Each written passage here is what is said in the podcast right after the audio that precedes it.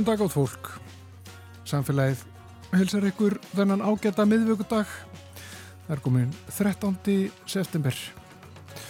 Guðmundur Pálsson og Arnhildur Haldunardóttir eru umsjónamenn þáttarhens. Eru seðlar og mynd á útleið? Ætti fólk að eiga reyðufið heima hjá sér. Við ræðum þetta við vegfærendur í miðbæ Reykjavíkur og Gunnar Jakobsson var að seðla bankastjóra tölum um reyðufíja hér á eftir. Svo ætlum við líka að heyra frettir frá Grænlandi. Í gær bárust frettir af farþegarskipunu Ocean Explorer sem tók niðri í Alpafyrði við Östur Grænland og þannig er meirinn 200 mann sem borð og skipið sittur enn sem fastast. Inga Dóra Guðmustóttir í Núk hefur fylst með frettum af strandinu og ætlar að spjalla við okkur um það á eftir koma skemmti fyrir að skipa til Grænlands er umdeild þær í landi og mörgum þykir nóg um þá miklu aukningu sem hefur orðið á komu slíkra skipa. Við heyrum eina málfarsminútu í umsjón önnu Sigriðar Þráinsdóttur, málfars ráðunautar og svo kemur þetta Olgudóttir til okkar í Vísindaspjall. Hún ætlar að fjalla um örplast í sjáarspendirum í dag. En fyrst eru það beinharðir peningar.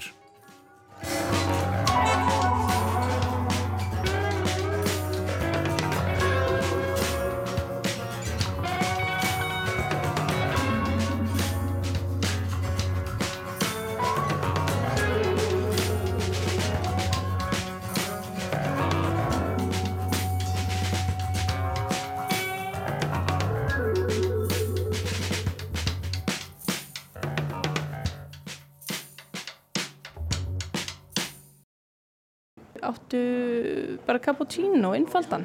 Einfalda cappuccino, já, 750 já. Er einn hérna.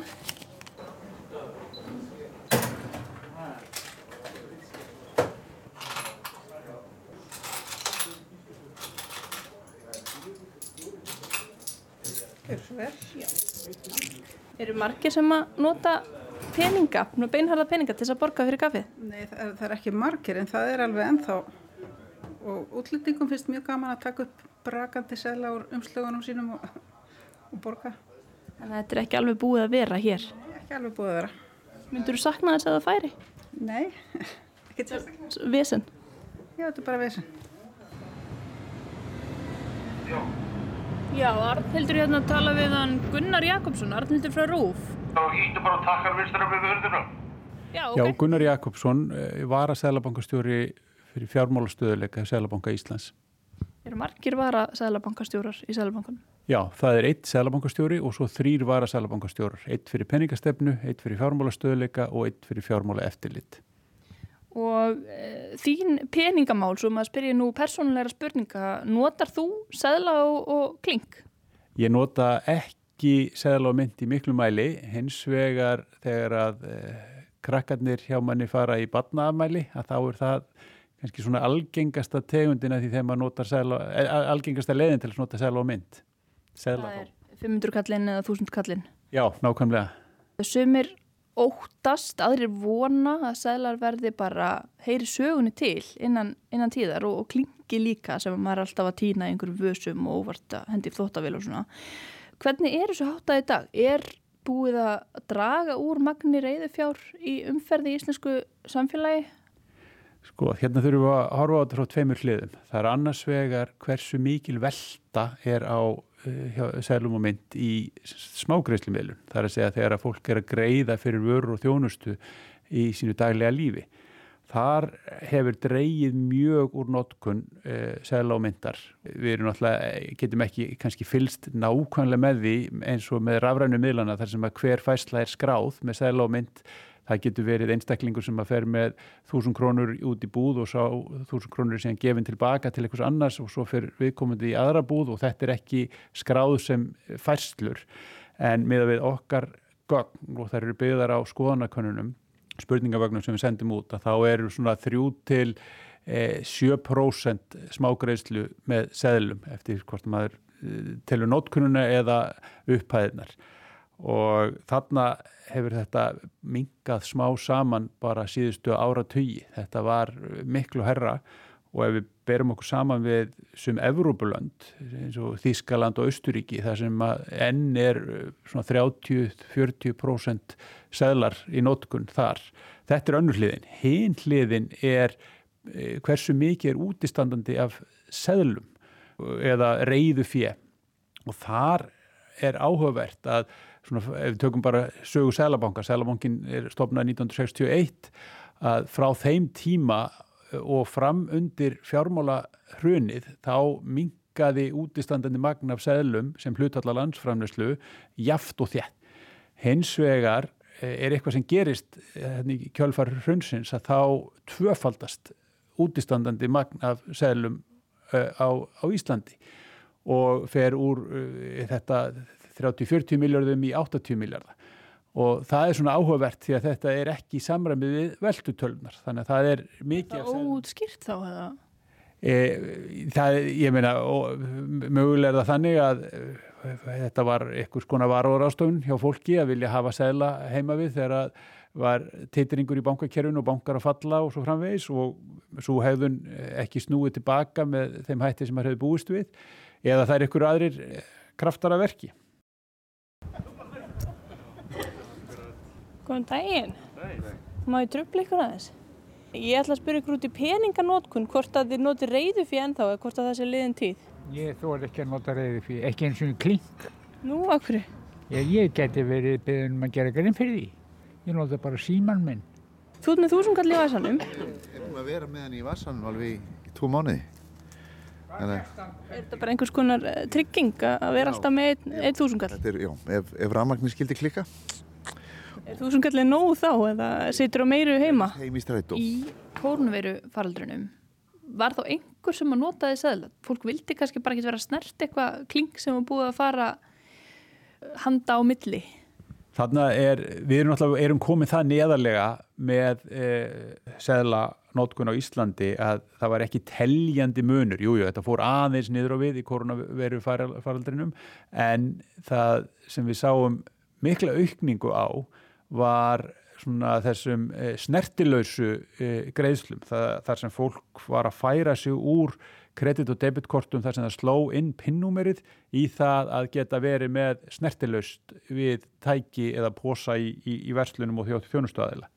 Og horfurna til framtíðar sko er stemt að því að minka þetta magnsæðla og, og ja, reyðu fjár og, og mynda það sem okkur er andum að því spurðum hvort að sé stemt að því að útleiða seðla og mynd, það sem okkur er andum er að þessi greiðslumilun virki og það sé viðnámsstróttur í greiðslumilun og í dag veita seðlar og mynd þennan viðnámsstrótt að vissu leiti því að þeir eru varaleið ef að rafmagnið og netsambandir farið að þá er hægt að eiga viðskipti með seðla og mynd. Þannig að e, það er ekki stemt að því að okkar hálfu að uh, útrýma selum og mynd hins vegar held ég og þetta er ekki stefna Sæðlabankans en hins vegar held ég að seðlar muni einhver tíman í fyrirsjánleiri framtíð heyra sögunni til og það muni einhver önnur tækni leysa þá að holmi. Þess vegna hefur við, hefur við verið að tala mjög mikið fyrir þessari innlendu óháðu smágreifslulösn sem að myndi þá ebla viðnámsdráttin í kerfinu og væri mögulega svona mótvæði við það að, sel, að dreigið hefur úr selum og mynd. Í dag eru við með 90% pluss af öll, allir smágreifslumiðlun á greiðslukorta teinum tveggja alþjóðleira fyrirtækja og ég held að það sé ekki heppilegt fyrirkomulega út frá viðnámsdrótti. Í, í fullkomnum heimi væri kannski markanum skipta á milli tveggja, þryggja greiðslulösna til þess að það væri alltaf leið sem að væri hægt að nota. Og svona ákveðin ógun kannski við þjóðar öryggi hversu lítið er til af seglum á íslenskum heimilum? E, allt er þetta byggt á könnunum og spurningum til e, heimilana í landinu en þá eru þarna eitthvað um 40% heimila sem að bara nota aldrei reyðufið og er ekkit reyðufið til á þeim heimilum og svo er einhver annar álíkastór hópur aðeins minni sem er mjög lítið það sem að þetta var bara í einhverjum uh, þúsundköllum og auðvitað er það ákveðið áhyggju efni Hvað myndur þú leggja til að fólk væri með mikið í seglum heima þessu svona upp á þennan viðnámsstrót? Já, nú er þetta erfið spurning. Ég reynir sjálfur og, og þetta er ekki ráðlíkingar Sælabankars.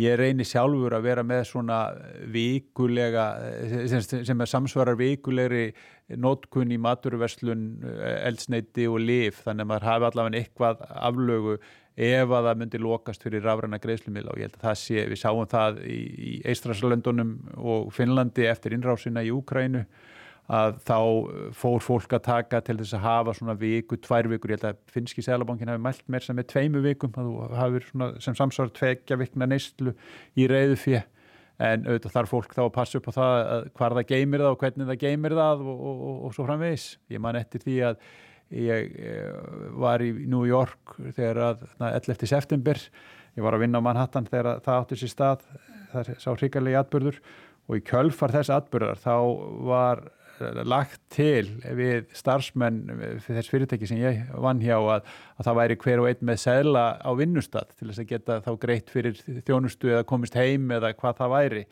Það var reyndar fljótlega horfið frá því því að það var ekki talið skynsanlegt að að það vissu allir að það væri hægt að leita selum í skúfum samstarfsmanna, ekki það að það væri neinn hætt á því að fólk væri að fara að gera það held ég en, en það, var, það var horfið frá því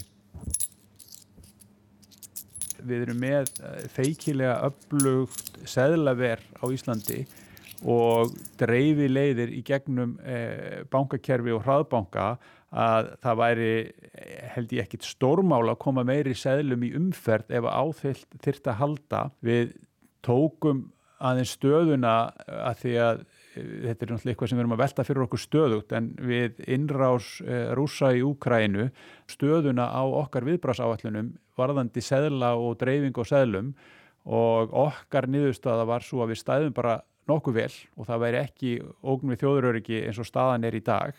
Og það væri hægt að auka, þegar maður uh, veldir fyrir sér sko hverju framleiðni í seglaveri, það er að segja hversu fljótt getur snúið peningunum við peningarnir eru notaðir og síðan skila vestlæninar þar inn til bankana síðan fer inn í seglaverð til að telja og, og passa sig að það sé ekki ykkur ónýtir seglar í notkun og svo framvegis en við töldum okkur að við getum aukið framleiðinina þarna svona fimm sinnum með það sem er í dag bara með því að bæta við mannafla því að vélarnar sem eru þarna eru ekki nýttar allan sólarhengin í dag og ekki nærri því slikt. Já, nefnir þetta segla verð, það eru náttúrulega sko í kringum þessa beinhörðu peninga eru alls konar innviðir.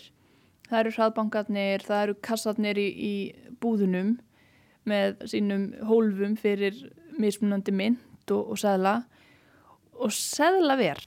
Jú, nú er það þannig og, og, og þetta er mikilvægt fyrir lítið landi eins og Ísland, við erum eh, land með eigin gjaldmiðil að kostnaður við greiðslumiðlun í slíku landi er mikill út af því að við náum ekki skala áhrifunum sem hún erð í Stórulöndunum.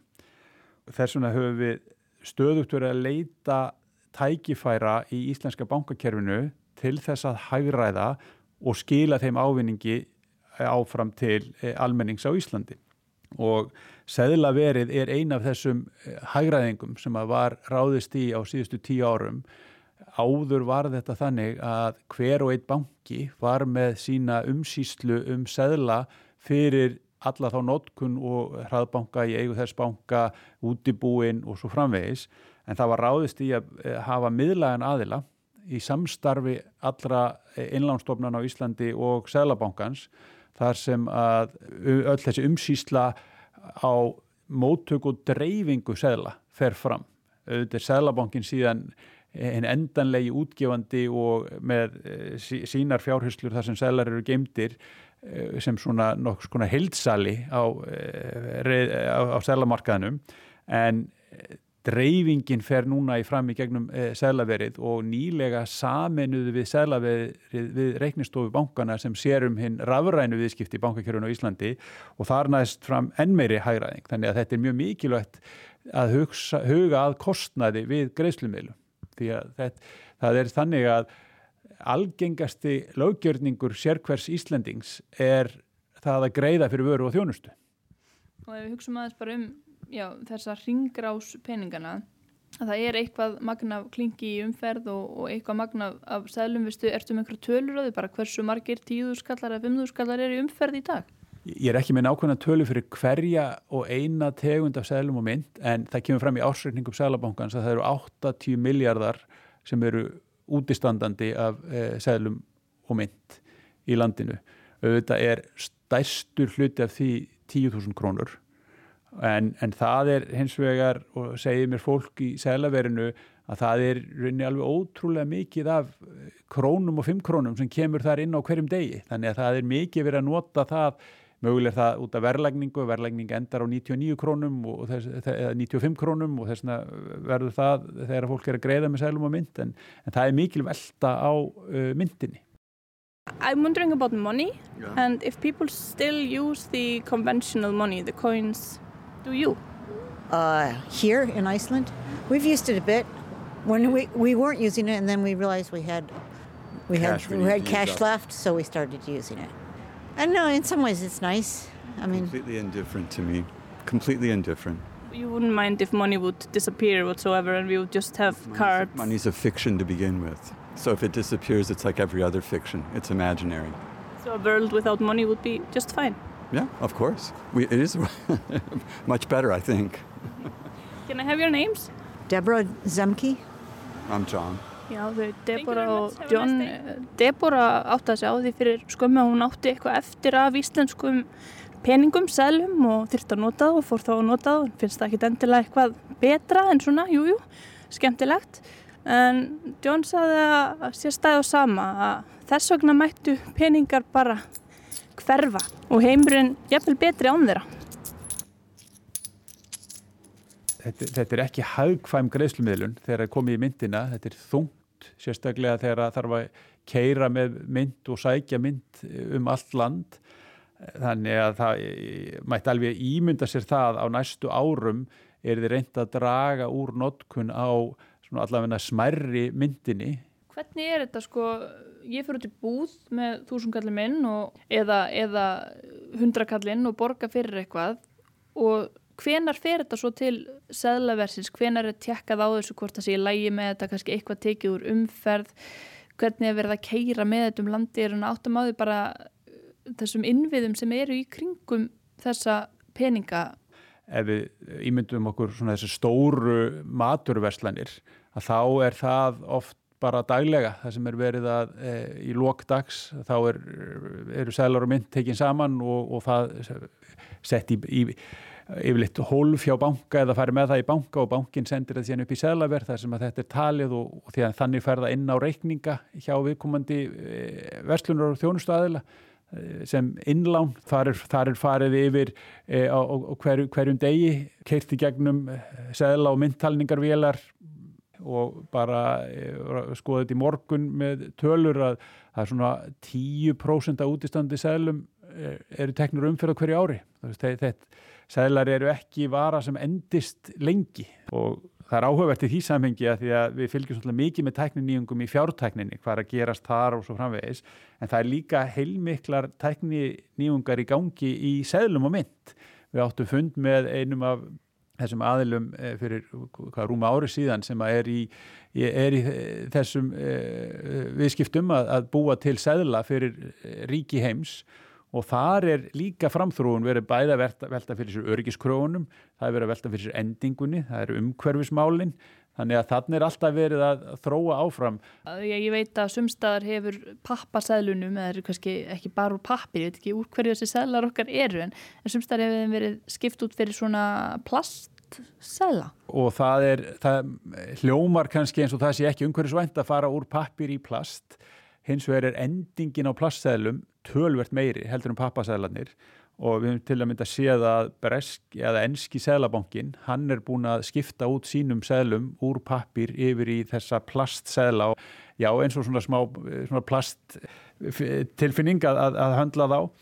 Svona leikfangapeningar, maður, kannski, maður þarf að vennjast þessu svolítið, þetta er svona manni finnst þetta eitthvað ódýrara. Já, en þetta er reyndar bæði örugara og endingabetra, þannig að þetta er eitthvað sem við erum alltaf að velta fyrir okkur hér, hvað gerum við? En e, hins vegar er, er það svo að þetta er stort skref að, að skipta út. Það er e, ekki ódýrt að prenta segla, en þetta er eitthvað sem við verðum að huga til framtíðar og líka að halda því ykkur jafnvægi við notkununa þá, ef að notkununa draga saman að þá er eh, þarf minna að huga að endur nýjum. Hvar eru íslensku sæðlarnir eh, prentaðir og íslenska myndin slegin? Í dag er það í Breitlandi sem hvori tvekja er. Það er enga fyrirtæki sem prentar sæðlana, það heitir Delarús og eru myndin er slegin hjá Royal Mint. Þessir aðilar eru með stóra markasluteld í þessum geira viðskiptalífsins. Þarf að hafa einhvern viðbúnað sérstakann þegar það er svo verið að flytja þetta til landsins? Já, algjörlega. Það, það, er, það er viðbúnar við það þegar þetta er flutt til landsins og líka þegar þetta er flutt hér innanlands. Þetta seglar og mynd eru flutt í sérstökum uh, bílum sem eru tryggja öryggi þess að flutningurinn eigi sér stað frá A til B. Og eru þeir eitthvað sérmertir? Ég held við, við viljum ekki vera að fara út í bæði það, veist, hver, hver er að flytja, hvernig þeir eru fluttir og hvar þeir eru geimtir komin til leinilega sálmáði. Mér langaði um þetta að vita, sko, er einhvers svona sérstug fjárhyrsla þar sem að þeir eru að taka við stórri sendingu af nýjum tíðust króna, brakandi tíðust króna seðlum, eru þeir geimdir einhver staðar í einhverjum nýðurgröfnum kjallara með hálsmeters þykri hörð?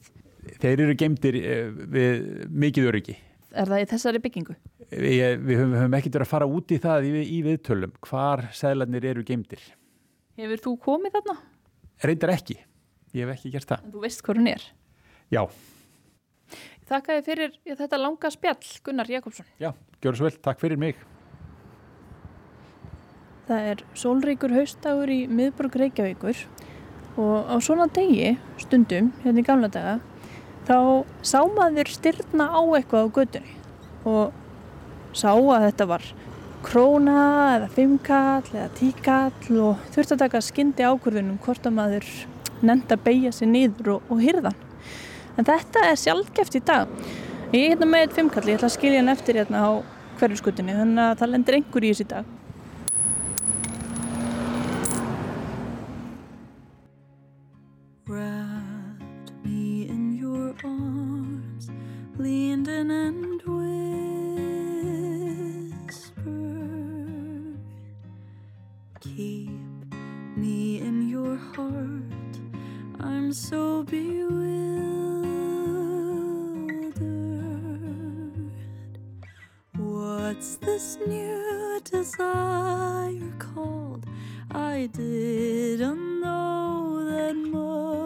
quero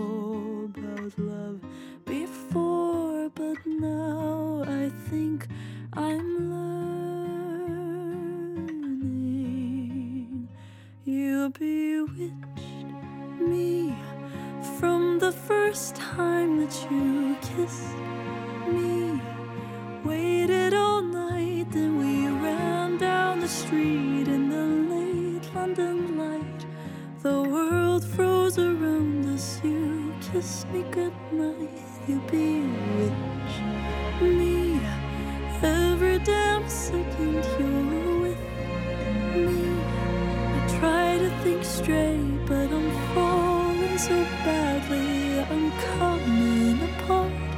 You wrote me a note, cast a spell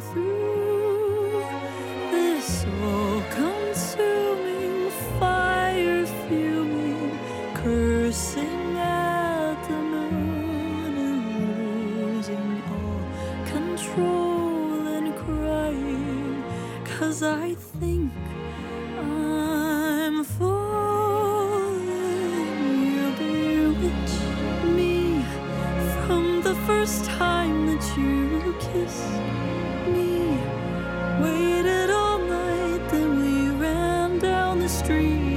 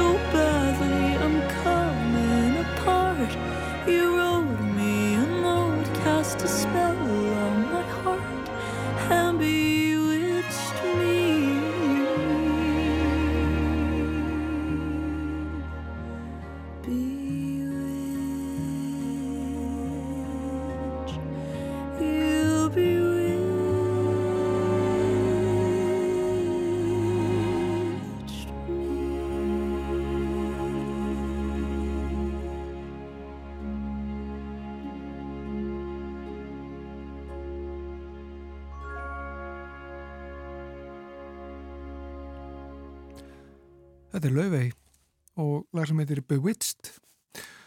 Lag af uh, samlendri plötu sem uh, er nýkomin út og uh, hefur sleið rækilega í gegn. Og þá erum við komin í samband við Ingudóru Guðmundsdóttur í Núk í Grænlandi og við heyrum stundum í Ingudóru og fáum svona fregnir frá Grænlandi. Nú er eitt og annað frétta þaðan, Ingudóra, við lásum nú fréttir bara hér í gær og heyrðum af uh, skipi, farþegarskipi sem að strandaði við Grænland. Já, við fengum þessa frétt í gær morgun um að það er skemmti ferðarskip eða ferðarskip sem, sem eru með 206 farþegar sem hefur strandað við í norðaustu Grænlandi við Alpafjörðin sem er norðu fyrir uh, Constable Point eða Skorpisund eins og mörgir kannast við og það er eh, stað, staðsett í þjóðgarðinum. Og þetta eh, hefur náttúrulega valdið miklum eh, hérna, áhyggjum vegna þess að þetta er mjög langt í byrtu frá öllu, allt og öllu, eins og maður getur sagt að, að það ætti að koma um, skip frá hérna um, Arctic Command sem er okkar svona landheilgiskæsla sem á að sigla þangað og, og, og koma því svona til hjálp, hjálpar. En síðasta fréttin sem að kom uppfærslan kom í morgun um að, að Sirius Patrullion sem er, er dansk svona vaktar uh, liðslið sem er í norðaustugrálandi í þjóðgarðinum hafa verið á staðnum og verið upp barða á skipinu og þeir segja þess, þess, til þess að fá svona sem betri mynda á ástandinu. Og hérna og þeir hafa sagt að, að það, fólk, fólkin er allt mjög vel, það er ekkert þar.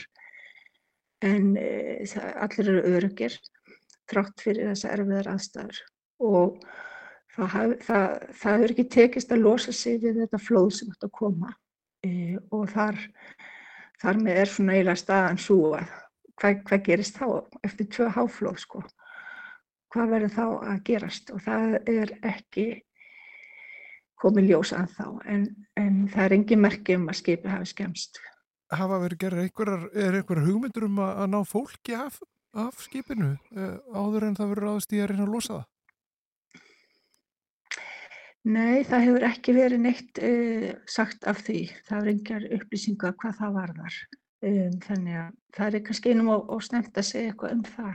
Já. En ef maður, nú myndi telja að það myndi eh, ekki geta lostaði háflóð og ef maður þarf að fara að draga skipið eða eitthvað aðra svona áætlanir þá kannski verður það eitthvað sem kemur inn í myndina. Ég, ég, ekki, ég er ekki alveg með það hreinu hvað, hvað það skreið geti verið. Einmitt. En aðeins um mm. uh, þennan þjóðgarð, sko. þetta er, er Alpafjörður hann heitir það mm -hmm. Já og, og er þarna hvað við, við uh, norðaustur ströndina mm -hmm. þetta er mjög norðalega, er það ekki?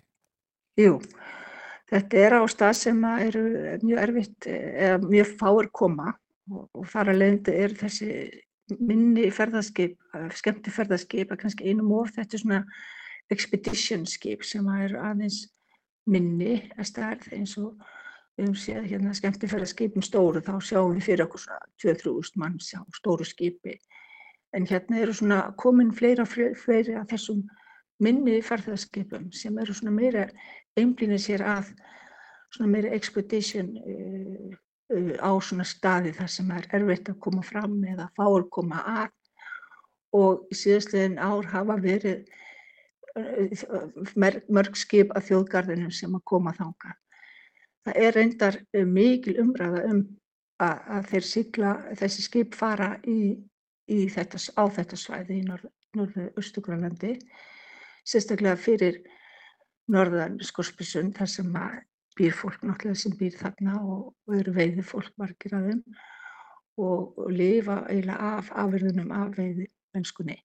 Og það er mikil gaggrinni núna að þessum skipum að þeir eru eiginlega að, já það auðilegur eiginlega fyrir þeim veiði á, á kvölum til dæmis eða á, á, á öðrum uh, afverðum að þeir koma eiginlega fyrir þeim þessa veiði mennsku og, og það hefur gerst tvísvar innan skammur fyrir skam, innan við síðastlegin mánuð þar sem við sjáum að, að fólk sem býr þar er að gaggrýna þessi skip koma og er skemma fyrir þeim veiðina. Já. Mm, og, og það er líka hljóðið, það er, þeir fara alltaf langt inn í fjörðin. Það er ekki tekið tillit til þessari, þess, þess þess, og það er ekki bara verið gaggrýni uh, núna í Skorspusund, heldur líka var það í sumar að það hefur verið hérna, skip í Ghana, Túli, sem er alveg fyrir norð, norðvestan, alveg norður, norður við Túli, Airbase og svo hefur líka verið mikil gaggrinni bara á skemmtferðarskip yfir höfuð. Já, mm -hmm. og, og við þekkjum þá umræður reyndar hérðan líka mm -hmm. og víðar eru mörg skip sem að koma til Grænlands og komu mörg skip í sömar. Já, það hefur bara aldrei verið eins marg, viðkom, margar viðkomur eins og, eins og hefur verið í ár. Það er tölur sem að voru komin, kom fyrir sumar, sumar hérna, sumari þá átta, var gert ráð fyrir 689 viðkomu skemmtifæraskipa og árið áður var uh, 462. Hérna, Þannig að þetta er svona metfjöldi af skipum sem hafa verið með viðkomu á Grænlandi í sumar. Um, svo hefur verið mikil umræða bæði um hérna, hversu mikil losun það er hjá þeim bæði hvað var þar e, mengun og hvað var þar e, losa af, e, já, þar sem að nú maður skólar út í hafið. Svo hefur verið mikið rætt um hérna þegar koma svona margir inn á svona minni byggðir á sama tíma, dag eftir dag, hversu mikil áhrif það hefur á lítil bæjarfélög, litla bæi og svo er náttúrulega mikið umræða um bara yfir höfu ef að svona það getur verið, það verður mjög, mjög útkall til skipana með læknistjónustuna þar sem að, það leggur líka svolítið pressa á heilbreyðiskerfið og svo framvegist. Þannig að þessi umræða er eiginlega svona meira að minna búin að vera yfir allt sumarið og svo núna toppar þetta eiginlega með þær áhyggjur sem að margir hafa náttúrulega alltaf uh, varað við að ef að þetta stór ja, hamfarir gerast. Uh, hvað ef þetta hefði verið eitthvað starra uh, og það getur haft rosalega áhrif ef að þeir hafa eða verið skóla olí út í hafið og, og allt þetta sem að, sem að því tengir. Og þar að leiðandi líka að því að landhelgiskæsla skipið sem er Krú Rasmussen sem er að sigla núna á leið til norðaustu Grænlands til þjóðgardsins var 1200 kilometra eða 1200 sjómílur burtu frá staðnum þannig að það tekur líka tíma að komast hanga mm. til þess að ef það hefði verið starri hamfarir. Þannig að þetta hefur svolítið skapað, þetta skapar líka þrýstinga bara á allt kerfið okkar eiginlega. Og er, er það almennt svona viðþorfið að þetta sé orðið full mikið og, og um, svona það sé ákveðin fólk svona óttist að, jafnvel, að þarna getur orðið bara eins og þú nefnir mengunarslýs eða eitthvað slíkt. Er þetta svona almennt að fólk, mm. fólki finnist nóg komið? Já, það er mikið rætt um þetta ekki bara hvað var það mengunaslýs og læknistjónustu og, og bara hvernig þetta pressar allt herfið okkar, heldur líka hversu mikið hagnað við út úr þessu. Og auðvitað er þetta meira svona spurningum um hverjir hagnast á skemmtifærðarskipunum og það náttúrulega skapar hérna þjónustu störf á minni, það hefur alveg verið mikið að gera hjá þessu smábóta fyrirtækjum sem er að sigla farþega frá skipunum inn í fyrðina og það hefur verið mikið í búðunum og þeir leggja mikið í kaffihúsi og svo framveist þegar þeir eru á landi. En svo aftur á móti þeir sem að e, það er ót, e, miða við önnug lönd, þessi umræði hefur líka verið mikið, e, hvað, hversu mikið fellur inn í ríkisjóðan og, og hvernig það kemur þá okkar e, bara yfir höfuð kerfi til gós. Mm. Þannig að þessi umræði er ekki alveg, uh, ekki, hún er búin að bara á fullu en núna uh, svona eiginlega er komið annar, annar áhersla núna á, á þessu, um, um þessi ferðarskip yfir höfu. Já. Og þetta er umræði sem hljóma kunnulega hér á Íslandi mm. líka.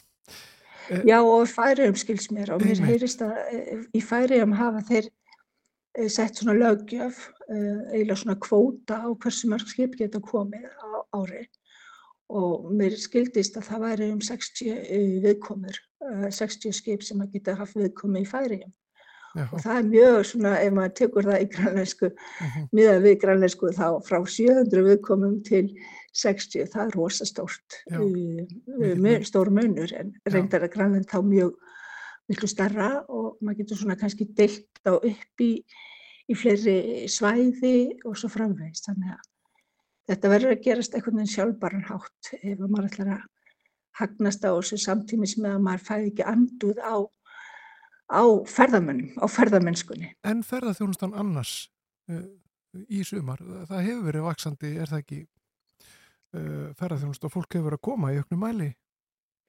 Jú, jú, einmitt, það er törðunni sína að fyrsta halva ári núna er aukning á ferð, ferðamönnum frá útlöndum upp á 15% skils mér og það sýnir að, að það er náttúrulega aukning um, um að koma til Grænlands en það sem að setja svona, svona loft eða það sem þú getur ekki um, stækkað meira eða þú getur ekki fengið það margt inn að það er náttúrulega gistingin eins og við höfum talað um áður. Hótelgistingin er náttúrulega það sem setur uh, eitthvað svona uh, toppar hvað, hversu margir geta komist inn á sama tíma. Mm -hmm. og þessi umræða heldur náttúrulega áfram með því að núna uh, eftir ár um það byl þá á nýju flugvöldurinn að opna í núk og svo árið eftir þá kemur það í Ilulissat og svo árið eftir það kemur það í Söðugrænandi. Þannig að þetta mun allt saman hafa mjög mikil áhrif á ferða þjónustuna og ferðamennsku og þar sem náttúrulega setur einhvern veginn svona, það er náttúrulega hvað hva, hva kostar flugmiðin mm -hmm. og það er allir vita sem vilja fara til Grænlands að flugmiðin til Grænlands er rosalega dýr. Og það náttúrulega gerir það líka að það er ekki það margi sem hafa efna að koma til Grænlands og við þekkjum líka þá umræðu hér að sko hvað, hvaða ferðamenn er að koma sko hvernig mm. ferðamenn er að koma, er það ferðamenn sem hafa mikil fjárráð og, og geta eitt miklu og skilaði mitt miklu til mm. í ríkissjóð þess að þú nefndir aðan eða til, mm. til samfélagana Já, það er mikið umræða, það er okkar markmið í ferðarþjónstöð markmið er að segist eftir þeir sem hafa peninguna og hérna og vilja vera nokkra daga og leggja þar að leiðandi peningin í hótel og, og, og mat og, og náttúrulega að fara í þessa túra sem er að báttúra og allt mjögulega sem hægt er að gera. Og svo líka annar eh, partur af ferðarmennskum það er mikið, mikið heliskíing með þyrklunum eh, í Grænlandi sem að kemur flugfélaginu til góðs og svo framvegist þannig að er, þetta er dýrt land að ferðast í og ekki allir geta verið með hvað það varðar. Já. Og líka þessum skemmtifæðarskipum.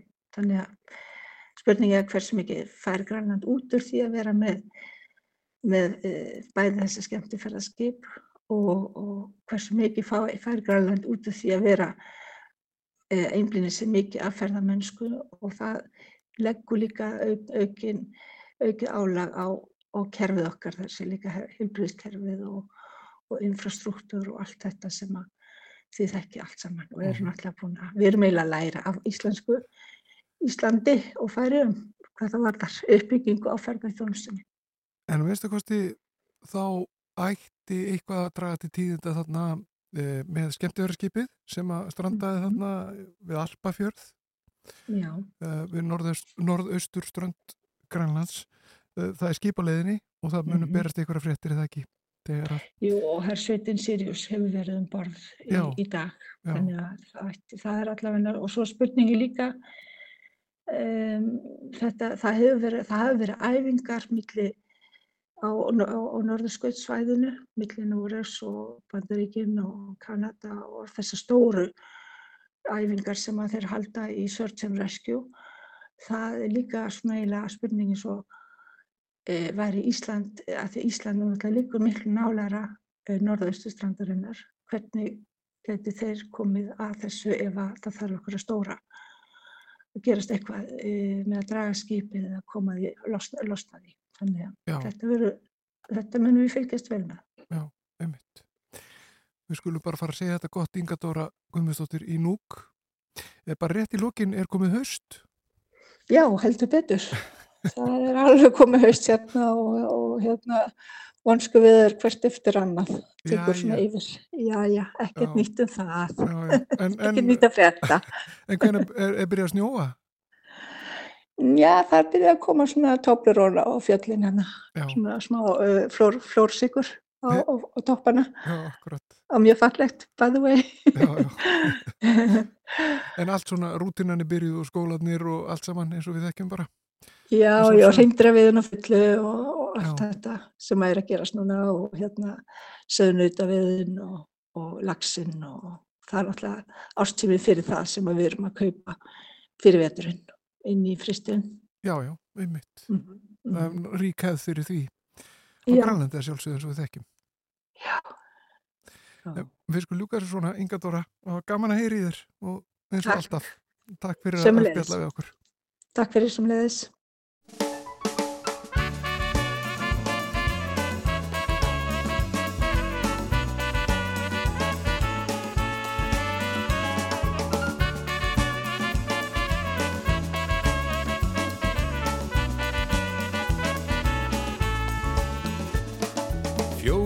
kátir þrestir sátu saman á kvist. Vorljóðin sín sungu af list. Bæði söngum ást og unaðindi og ró Húsitt í björnum skó. Ef þú kemur hér Ef þú kemur hér Þegar kvölda fer Þegar kvölda fer Muntu heyra það. Muntu heyra það. Söngin sem ég an Söngin sem ég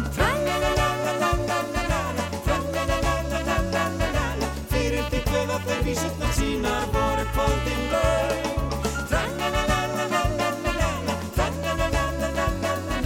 Harmarni flýja hlustar það þeirra sög Fjórir kátir þrestir sátu saman á gröun Hægt færði snæ, höstið í laug.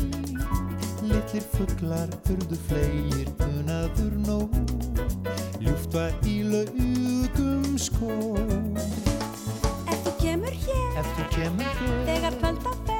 Þegar kvölda fer Muntu heyra það Muntu heyra það Söngin sem ég á Söngin sem ég á Tralalalalalalalala Tralalalalalalalala Fyrir því köða þær vísetta sínar voru kvöldin laug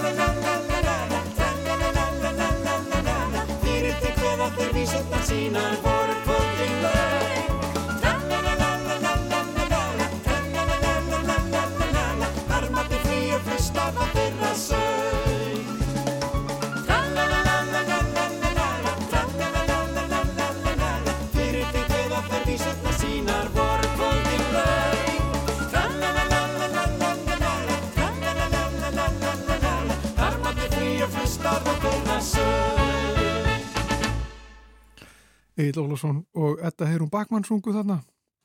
Fjórir kátir þrestir á samt tamlasveitinni.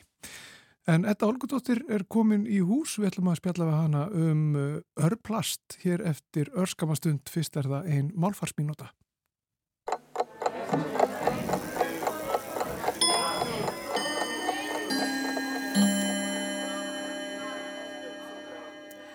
Tungumálið er langt frá því að vera alltaf rökriðt.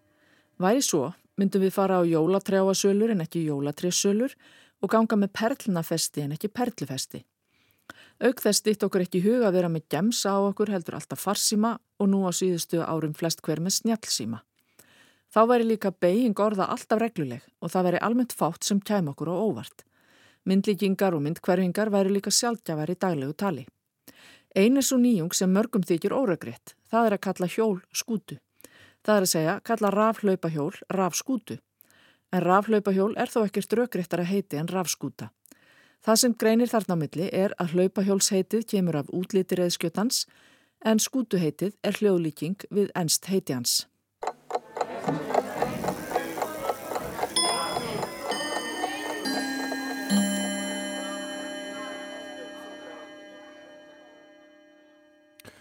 Og það var Anna Sýriður Þráinsdóttir sem var umsjónamaður málfars mínútunar.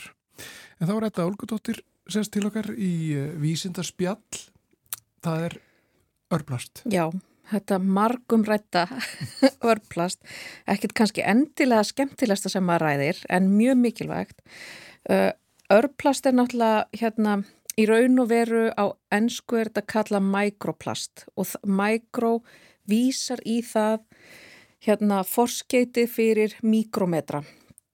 Við þekkjum svona flest sko hérna bara við sjáum fyrir okkur reglustyku sem að mæli svona 20 cm og á henni sjáum við hérna fyrir okkur millimetrana. Mikrometri er einn þúsundasti af millimetra. Mm. Þannig að í einu millimetra eru þúsund mikrometrar og þannig að það er hérna stærðar gráðan sem við erum að tala um þegar við tölum um örplast. Það er samt ekkit alveg sko, það er ekkert alveg full skilgreining á því hvað örplast er. Stundum er talað um bara allt sem er minna en 5 mm.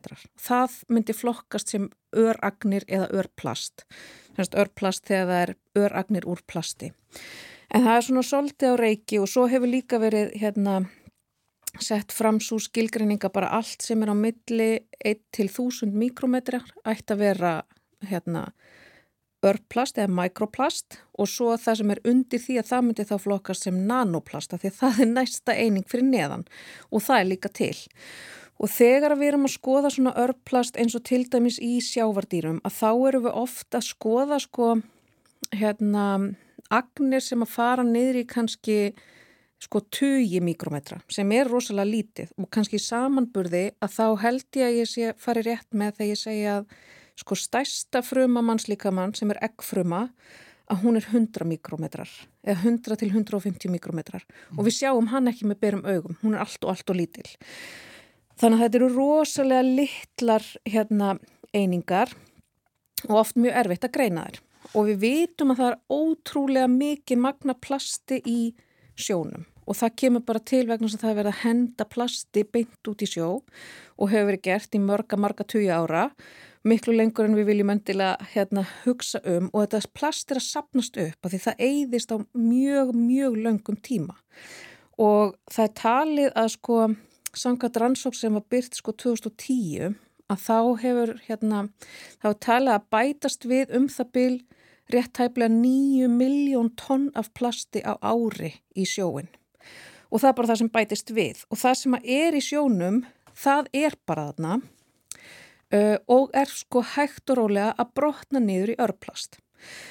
Og hvað áhrif það hefur í raun og veru á lífrikið er ekki beint vita, þú veist, við vitum, við höfum flest síð sko hérna skjaldbökuna sem að náði ekki að, að þróskast almennilega vegna þess að hún festist í svona dósaplasti. Mm -hmm. uh, við vitum líka að dýr er að borða þetta og við höfum síð sko fullt, fullt af hérna uh, rannsóknum þar sem er verið að sína hvað er mikið plast í hérna meldingarvegi dýra sem að lifa í sjónum og svo veitum við líka að plasti, þessar örplastagnir, þær er að færast úr meldingavegi yfir í vef, vefi dýrana. Þannig að einhvern veginn þá er plastið að færast á milli og við þekkjum það ekki heldur nákvæmlega um, hvernig það fer á milli.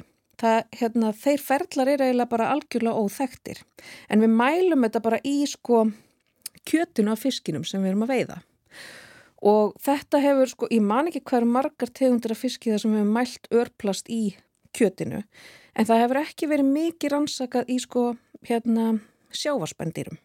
En við höfum samt séð rannsóknir þar sem að við sjáum hérna plast í meldingafærum sjávarspendýra.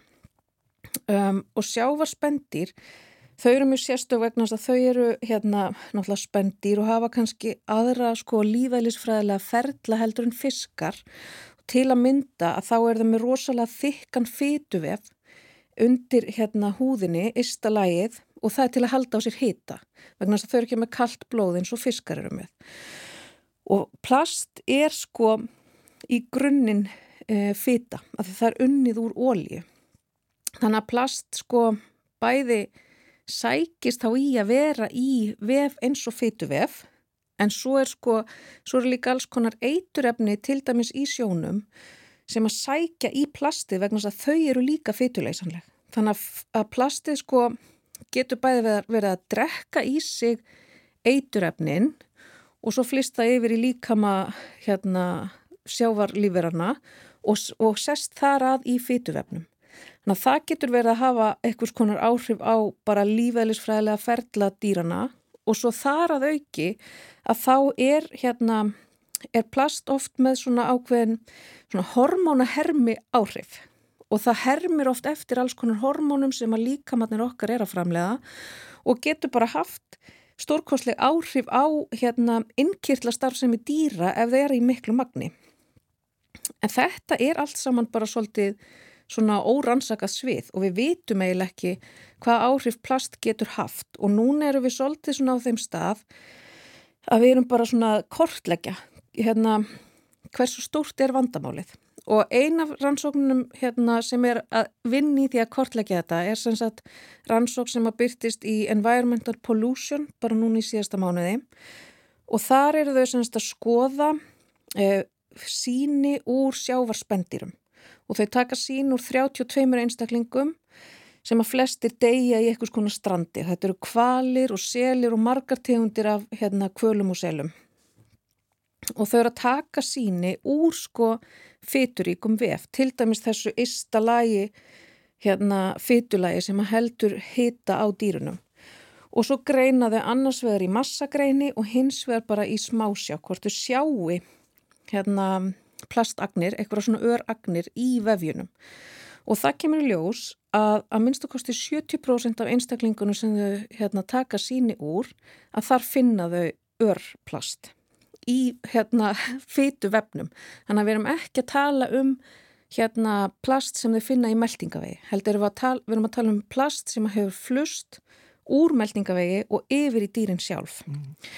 og eins og staðan er núna, þetta eru 70% dýrana og hérna þau eru með sko 20 eh, gramma síni cirka, hérna eitthvað starf á bylinu 15 til 25 gramma síni og þau eru að finna sko 70% dýrana er að minnstakosti með eina plastögn þar sem þau greinana. Þannig að þetta er ekki, við erum ekki að horfa fram á sko, þetta er ekki stórkostlegur vandi eins og er. En við erum svolítið sko nún er tíminn til að grýpa inn í. Vegna þess að, að við vitum að, þetta, að það er alveg nóg af plasti í sjónum. Og, hérna, og, og dýrin er ekki að fara að hætta að borða þetta. Þau, hérna, þau borða þetta yfirleitt sko óvart.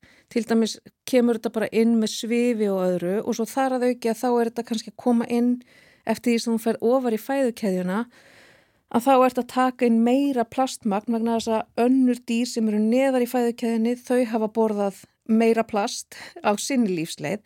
En að það, þetta sapnast upp í fæðukeðjunni og svo eitthvað hluta vegna að þá er plastið að rata úr meldingavegi og alla leið inn í vefina þar sem þetta getur farið að hafa bara áhrif á dýrin. Miklu meira heldur en bara stíplaðu vegna þess að það borða plast heldur getur þetta líka haft áhrif á innkýrtlastarfsemi eða og jafnvel bara skemmt vefi ef það eru með sko um, bara svona plastagnir sem að geta líka bara verið kvassar og hættulegar og þá getur bara verið að skemma frumur og vefina sem að plasti er í. Þannig að þannig erum við farin að horfa sko á vandamál sem að þarf að grýpa inn í og það er svona, þú veist, margskonar lausnir sem að maður sér kannski svona á sjóndeldarhingnum. Í fyrsta lagi sko þá er við sem einstaklingar þurfum náttúrulega bara að flokka og við eigum að passa upp á að við séum ekki að setja plastið að við séum að setja plast á réttan stað að það fari í endurvinnslu eða eyðingu en ekki út í sjóin eða ekki, í, ekki á jörðina. Um, við þurfum líka náttúrulega bara að hætta að nota svona mikið plast. Og það likur bæði hjá okkur sem neytendum en ekki síst hjá þeim sem er að framleiða að það þarf kannski ekki svona óbúslega mikið af plastumbúðum alltaf. Og svo likur náttúrulega ábyrðin óbúslega mikið hjá stjórnvöldum að passa upp á að það sé kannski umhverfisvætni og betri leið til þess að pakka hlutum að það sé ekki alltaf, við séum ekki alltaf að hlaupa beint í plastið. Og svo eru náttúrulega, þú veist, til þess að spórna við þessu plasti sem er nú þegar í sjónum að þá erum alltaf verið, verið að horfa á sko til dæmis hreinsun með örverum, það sem að örverum myndu koma að og geta plastið og þannig eigða því en það er svona kannski aðeins lengri í það og líka, veist, það eru líka aðrar áskoranir sem fylgja því að brjóta niður plast með örverum. Já, ég veit að þetta verður rannsakað áfram að sjálfsögðu. Þetta Olgundóttir við fá kannski bara frekar fréttir af því síðar. Hvernig, Alveg öruglega. Hvernig þetta gengur allt saman. Gaman að fá því heimsóknir sem einlega. Takk. Takk fyrir. fyrir. Og þannig ljúku við samfélaginu þennan uh, miðugudaginn. Guðmundur Pálsson og Arnhildur Haldunadóttir þakka fyrir sig. Heyrust á morgun. Thank you.